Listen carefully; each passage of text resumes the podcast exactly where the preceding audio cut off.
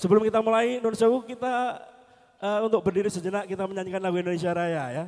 Monggo dipersilakan. Kita mulai dengan rasa kecintaan kita terhadap negara kita Indonesia, rasa bangga menjadi Indonesia, bagian dari Indonesia. Mas Fendi dipersilakan. Ya. Bapak Ibu hadirin yang berbahagia, marilah kita menyanyikan lagu kebangsaan Republik Indonesia, Indonesia Raya.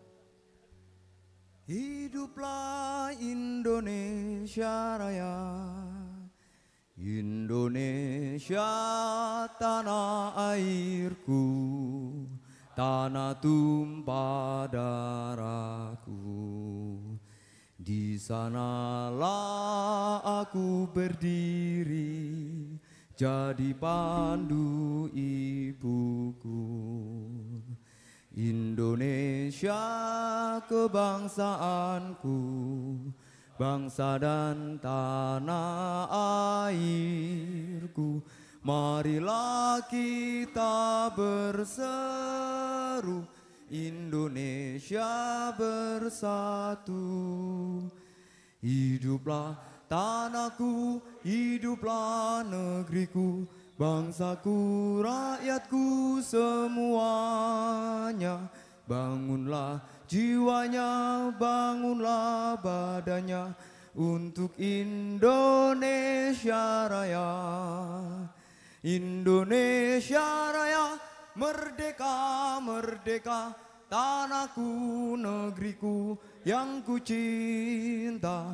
Indonesia Raya, merdeka, merdeka, hiduplah Indonesia Raya.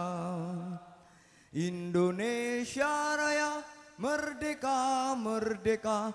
Tanahku negeriku yang ku cinta Indonesia Raya merdeka merdeka. Hiduplah Indonesia Raya. Terima kasih. Tepuk tangan untuk Indonesia tercinta Oke ya Don Sewu yang belakang mungkin uh, Anda monggo untuk dipersilakan untuk mencari kenyamanan tersendiri ya. Karena memang kondisinya seperti ini, yang belakang dan juga semuanya. Oke, mohon maaf karena tempatnya mungkin arealnya tidak cukup untuk menampung panjenengan. Tapi coba kita menawarkan yang terbaik untuk semuanya. Baik. Rekan-rekan oke bisa Pak Gusuran? Sudah oke semuanya? Ya. Ada satu komposisi yang coba akan kita hadirkan dulu. Setelah banyak kemarin-kemarin kita sering kecelik dengan apa yang kita idam-idamkan, apa yang kita, kita inginkan. Malam ini ada suatu komposisi yang akan kita tawarkan untuk panjenengan. Ya, Mas Jito, Mas Santo, yuk langsung kita persembahkan. Ada suluk kecelik.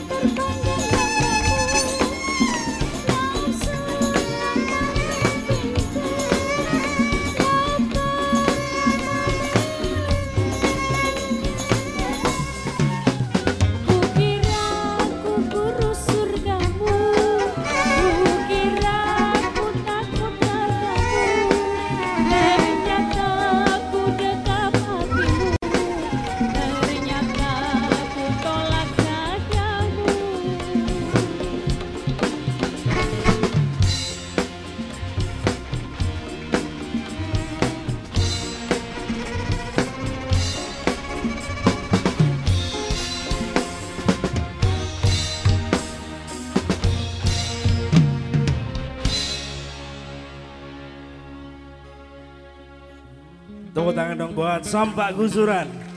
Ya, petikan saya dari beliau Bang Anies Soleh Bahasin yang coba kita buat sebuah komposisi suluk kecelek ya. Setelah banyak kecelek Indonesia pada saat kemarin sampai saat ini. Oke, baik. Untuk komposisi yang kedua, coba kan kita hadirkan. Ya, ada kita hadirkan sebuah suluk suluk keselamatan. Bapak.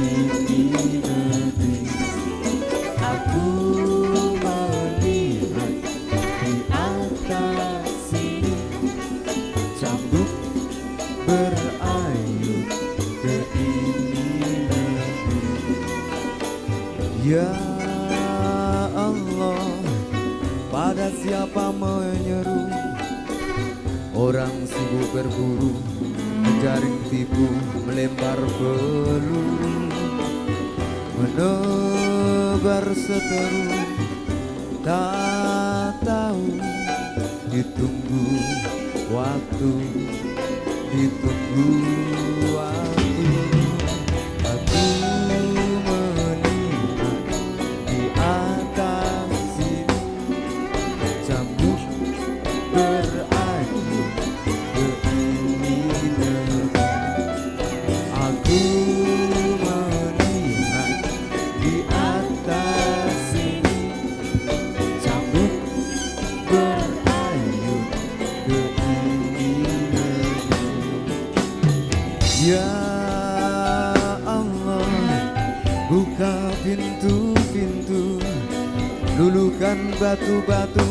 Agar nafsu membeku Agar hati menyatu. Oh ya Allah Buka pintu-pintu. Luluhkan batu-batu Agar nafsu tak menyatu. Aku berdoa di bawah sini. Ya Allah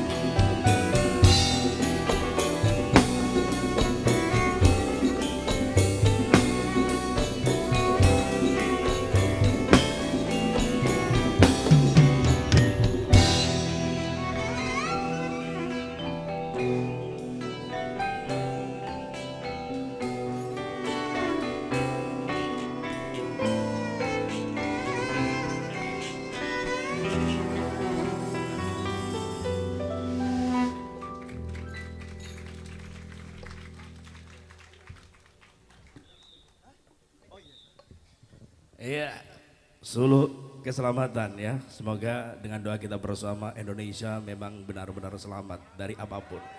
Amin. Ya, oke.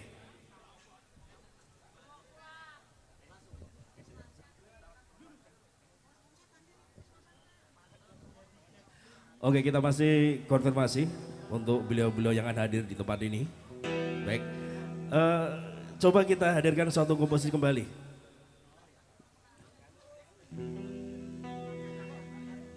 Ya, akan coba kita hadirkan sebuah komposisi kita bersolawat bersama ya untuk keselamatan kita dan keselamatan Indonesia. Ya, solawat naria gitu. Ya.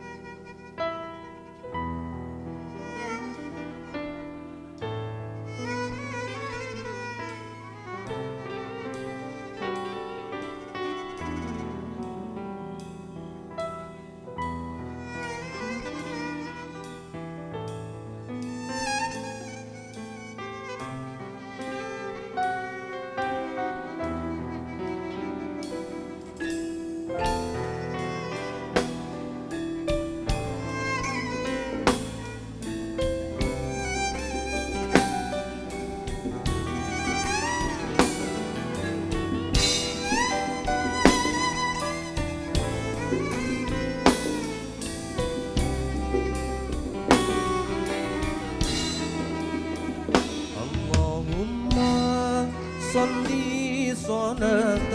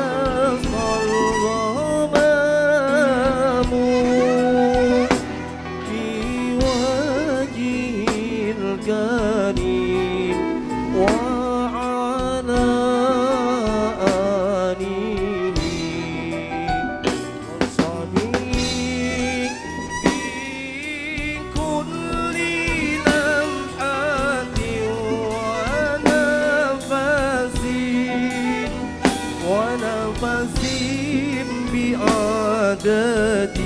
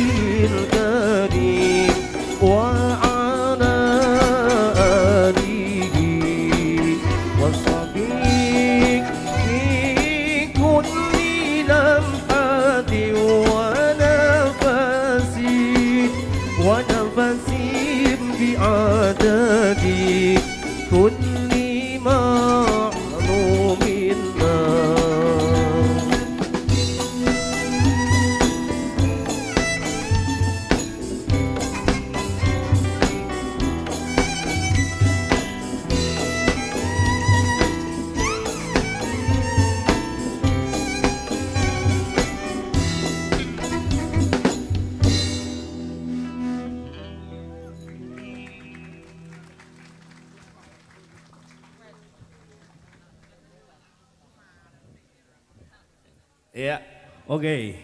Ada sebuah solawat kita hadirkan, solawat Arya.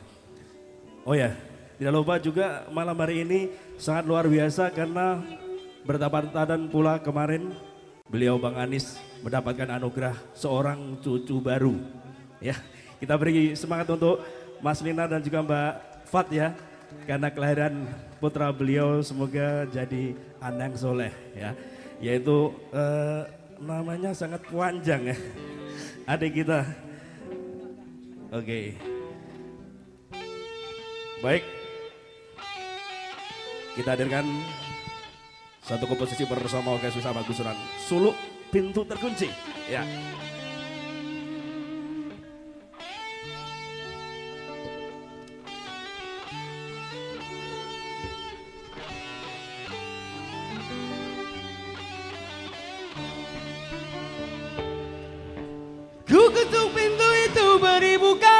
Tak juga jawaban diberi.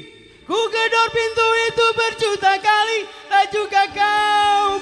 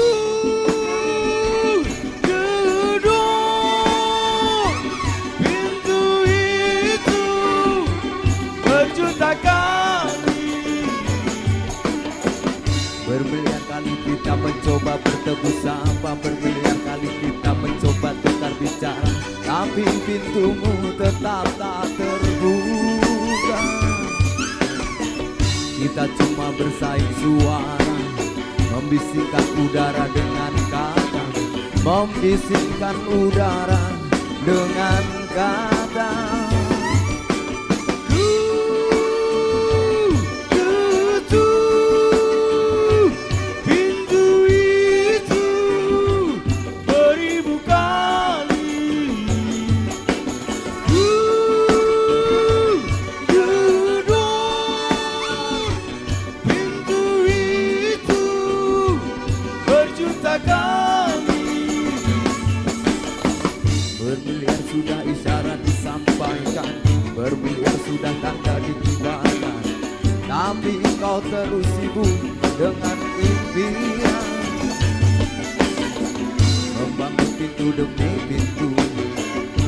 I'll be around.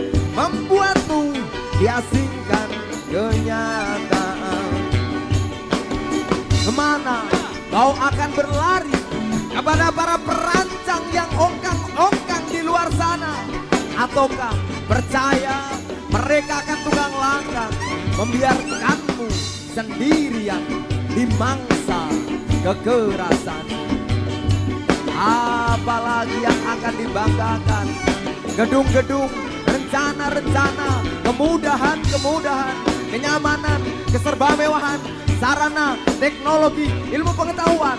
Bahkan sejak dulu pun ini selalu berulang. Jadi tak perlu mengusungkan dada atas kemajuan karena kerapuhan dan keter kekerdilan tak bisa disembunyikan.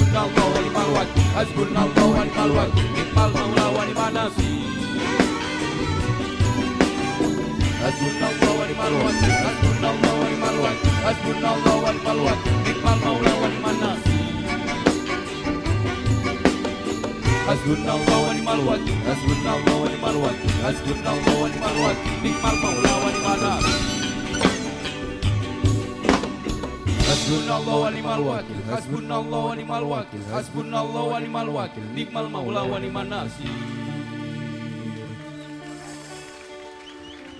Oke, suluk pintu terkunci, dikedor seribu kali, sejuta kali, tapi tetap tidak terbuka.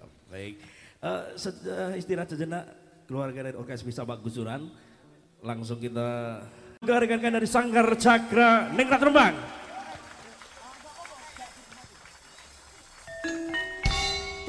Sebab gelaran wayang kulit yang akan digelar Duryudana Gugur.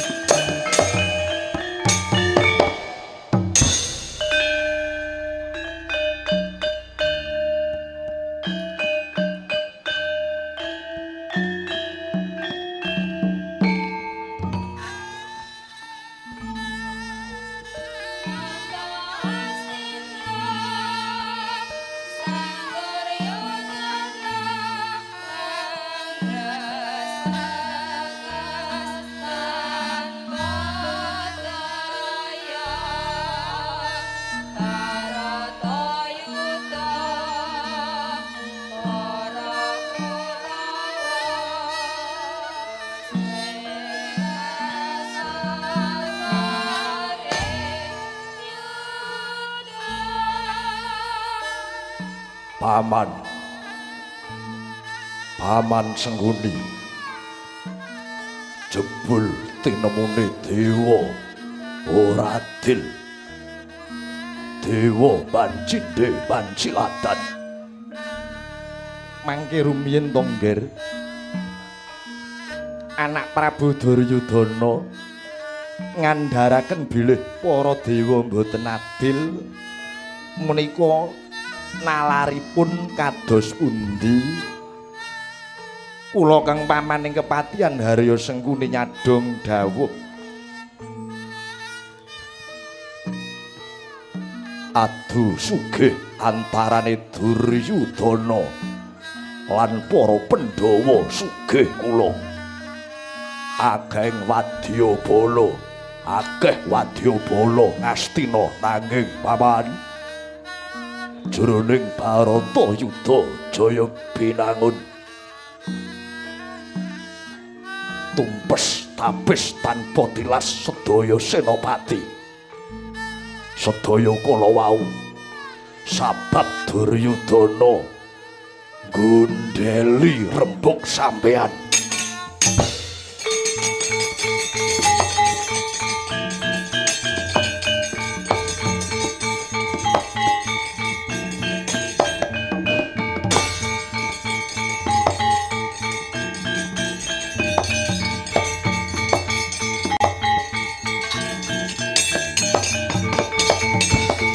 Sring Astina Maha Prabu Duryudana.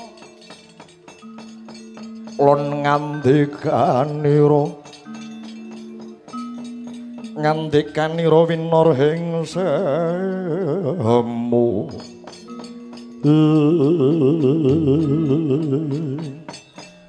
Nun sewu nggih, Nggir. Nadyanto tumpes tapis tanpa tilas barisan ngastina mengsah Pandhawa. Nanging anak Prabu Duryudana anak Prabu Duryudana mboten luput, mboten kleru. Lamun to panjenengan menika manut dhateng keng Paman Sengkuni. Entuk-entukan kula manut sampean. Kaya ngene iki. Entuk-entukan kula gugu rembuge sampean gundeli rembug sampean wong tuwek sing ora tatanan.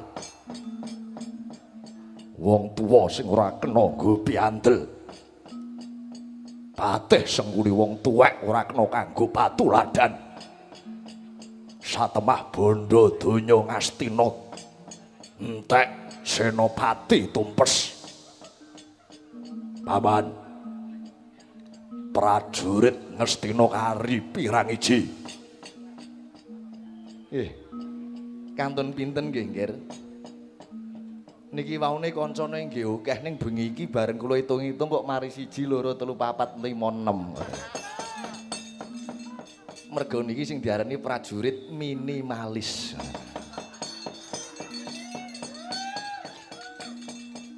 Nggih mung kari loro niki Anggir Gajaksa kalias Ora Basanta. Ning ampun kuwatir. Patih Sengkuni niku patih sing sugih akal. Nadyan to wong pitu ning mentes, ngoten. Timbang timbang ngajak wong pirang-pirang, pirang-pirang bis ning do ngantukan. Niki, Yogane sithik kelire cilik. Wah, cocok nih. Niki ketok le murah tur gratis.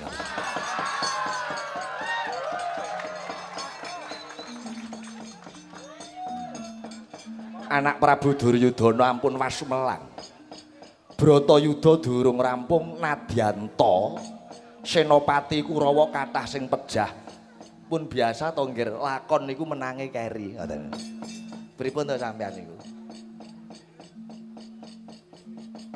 Minangka tanggel jawab Patih Sengkuni. Sampean lenggah ingkang sekeca kula sagah dados senopati dipun apit anggir son gajaksa kalian Sora Basanta menika kula sing maju senopati nggih.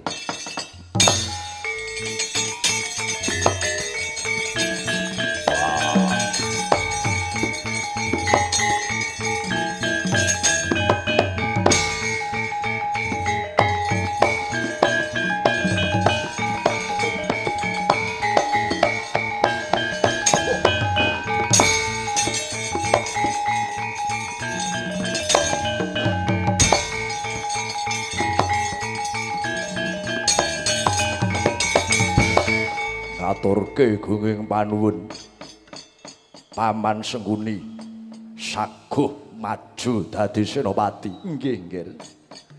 Panjenengan kula aturi lenggah ingkang sekeca.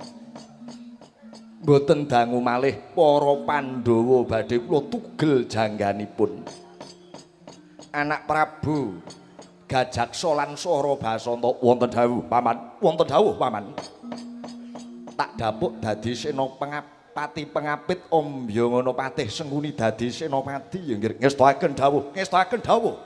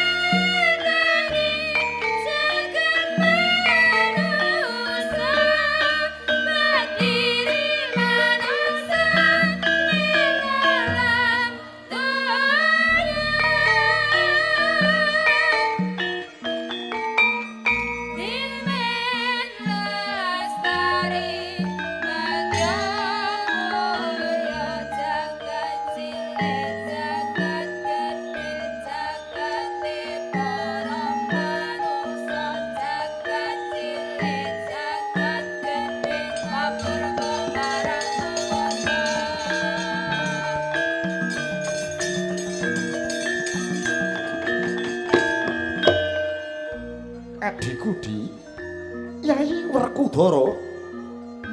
Jelita Kresna kakangku ana dawuhmu apa Morage sawangen barisan bulu pitu barisaning para Kurawa. Ngetoni senopati Yai. Sapa senopati barisan bulu pitu? Yen tak samangsa kadowan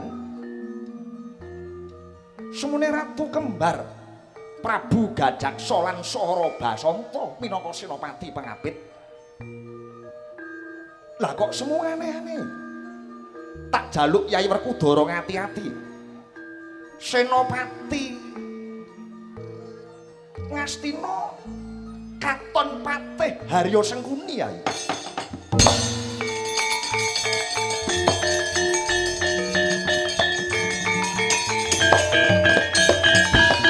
Lenglenging driya mangu mangu mangungkung kanduhan rimang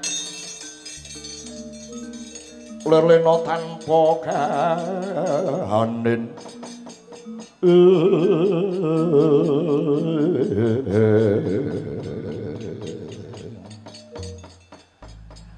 Kadang resna kakangku. Yen Senopati ngastina mung patih sengguni aku ora wasumelang. Sababe apa Yai Werkudara ora wasumelang musa sengguni? Kejaba sengguni kuwi wonge wis tuwa arep mudhar. Sengguni kuwi ora wasis anggone olah gegaman. Sengguni ora duweni kadipdayan. Sabab wong perang sing dienggo kuwi okol dudu akal. Oh ngono to. Dadi wong perang kuwi sing dienggo okol dudu akal. Iya. Yen pancen sing dadi panemune Yai Werkudara kaya mangkono, morage pun Kakang Dara ati buktekno papane barisan bulu itu Yai. Soroting pandang sumuluk amadang jro masarean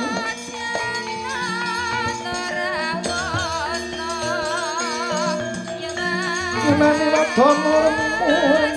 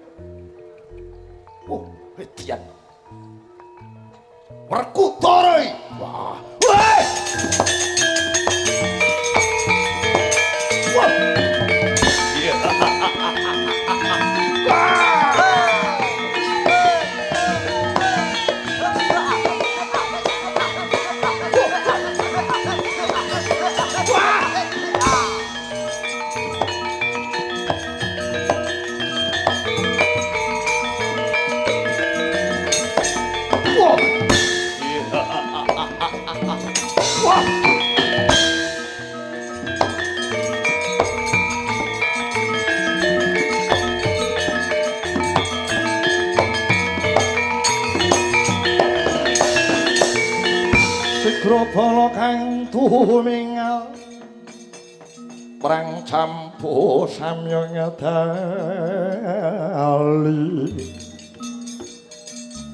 Lir tadet wileding godo eh werkudara panenggak pandhawa dasar para nyata sapa kowe?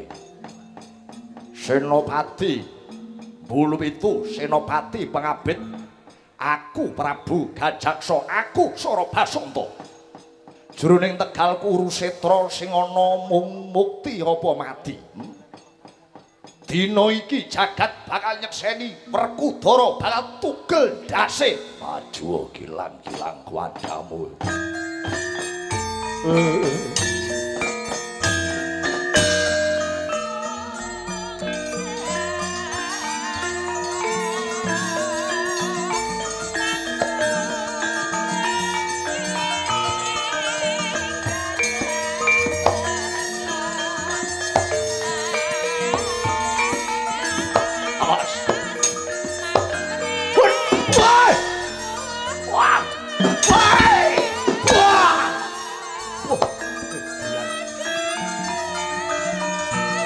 Wut!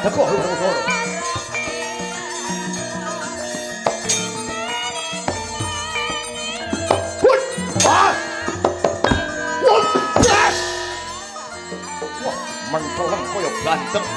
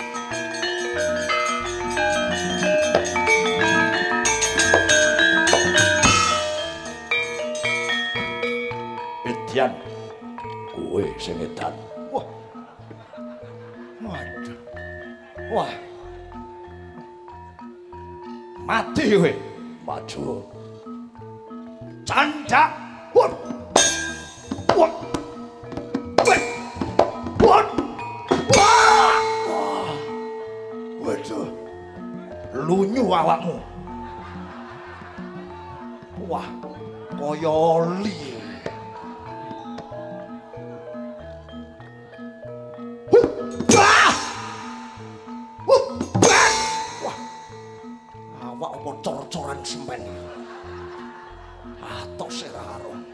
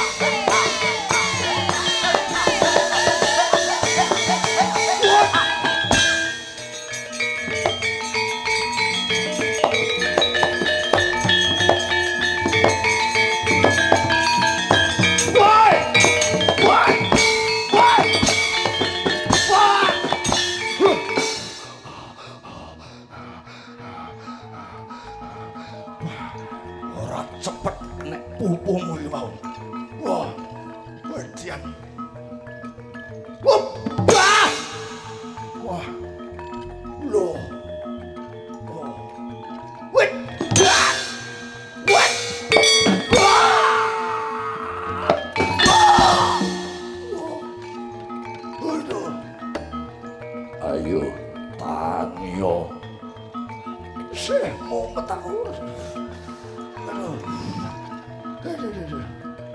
Mateus. Ó.